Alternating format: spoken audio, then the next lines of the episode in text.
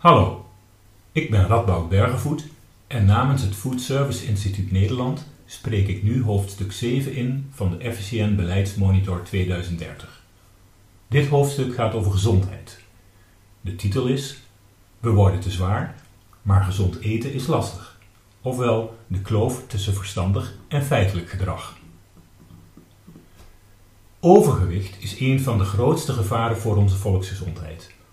In 2030 is 55% van de volwassen bevolking in Nederland te zwaar. Dat komt neer op 8,3 miljoen Nederlanders. De ambitie van het Nationaal Preventieakkoord is om het percentage overgewicht in 2040 terug te dringen tot het niveau van 1995, 38%. Maar dat vraagt een grotere inspanning van de overheid, de foodindustrie en de consument zelf.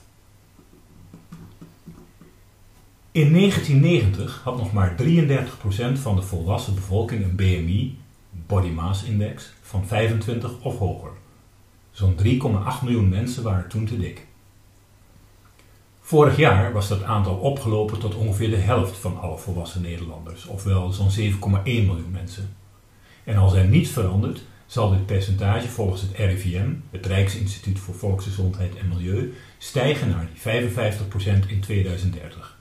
In dat jaar zijn 8,3 miljoen Nederlanders te dik, ruim twee keer zoveel als in 1990. De oorzaken van deze volksgezondheidscrisis zijn bekend.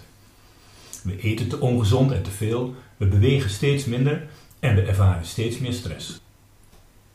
Het probleem van overgewicht wordt dan wel steeds groter. Dat betekent niet dat Nederlanders in één keer gezonder gaan consumeren.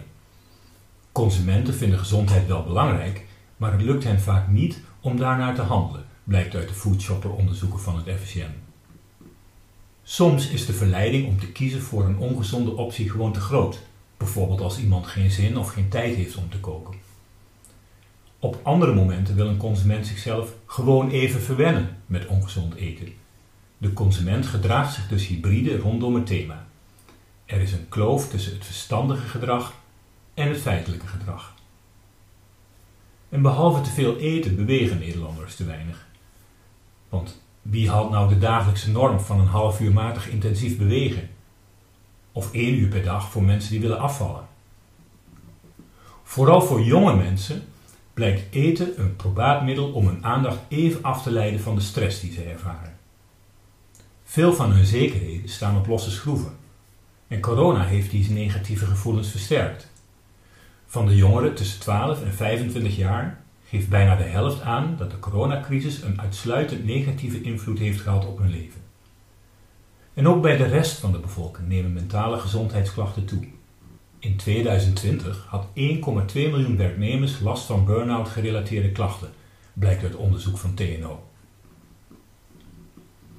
Het feit dat jonge generaties veel stress hebben, belooft weinig goeds voor een gezond eetpatroon. Voor veel consumenten is lekker eten de perfecte manier om de aandacht even wat af te leiden van de stress die zij ervaren. En dat mag af en toe ook best ongezond zijn.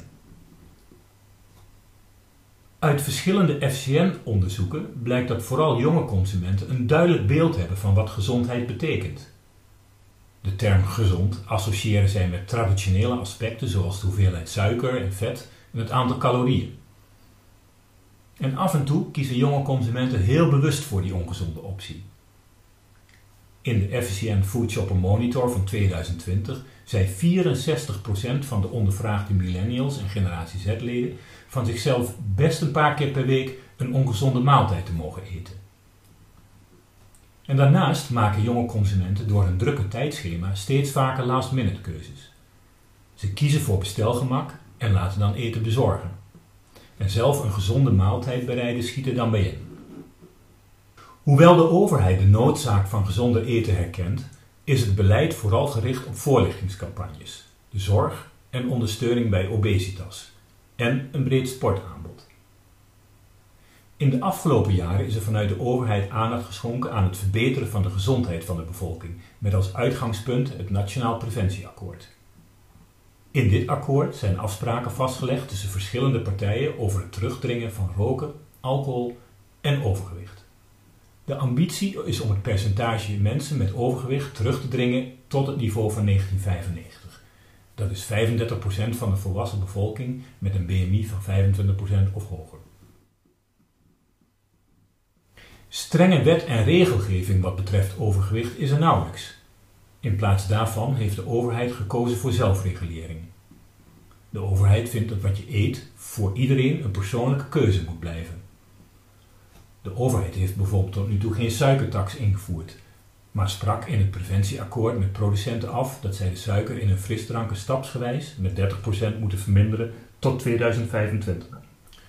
Tot nu toe is de overheid dus terughoudend geweest met het opleggen van strenge wetten en regels voor een gezond dieet.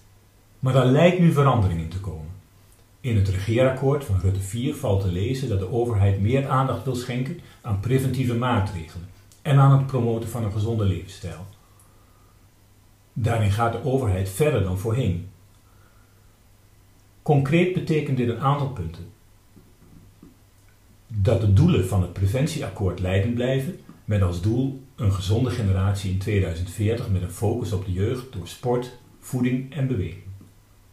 Maar ook stimulering van gezonde keuzes en het ontmoedigen van ongezonde keuzes, zonder mensen in hun vrijheid te beperken.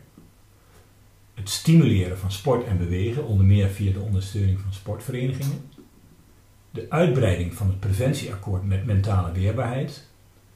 De verhoging van de belasting op suikerhoudende dranken en accijns op tabak. Bindende afspraken met de industrie over gezondere voedingsmiddelen. Op termijn een suikerbelasting en tot slot het op den duur afschaffen van de BTW op groente en fruit. Maar ondertussen grijpen lokale overheden wel in. Want ter voorkoming van overgewicht is het belangrijk dat onze leefomgeving uitnodigt tot gezond gedrag.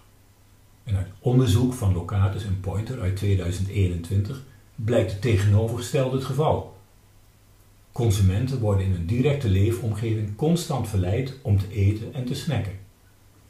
Het aantal verkooppunten van fastserviceketens en snackbars is in de afgelopen 10 jaar met 30% gestegen, blijkt uit het Locatus-onderzoek. Terwijl het aantal verswinkels zoals groenteboeren en bakkers met 15% is gedaald. Het straatbeeld is hierdoor veranderd. Enkele gemeenten in Nederland, waaronder Amsterdam, Rotterdam, Den Haag, Utrecht en Ede, willen nu het heft in eigen hand nemen en vragen de Rijksoverheid nu om wettelijke mogelijkheden om het aantal verkooppunten van fastfood terug te dringen, bijvoorbeeld in de nabijheid van scholen. Tot slot, om ervoor te zorgen dat Nederlanders in 2030 een stuk gezonder eten dan nu, zal de foodsector gezond eten gemakkelijker bereikbaar moeten maken. Het is van groot belang dat gezond eten niet ten koste gaat van gemak.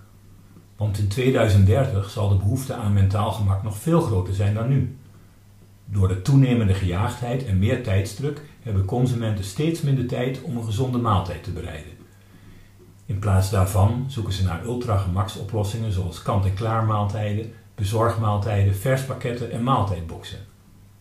Voor de foodsector is gezondheid bereikbaar maken met gemaksoplossingen een van de sterkste groeimarkten richting 2030.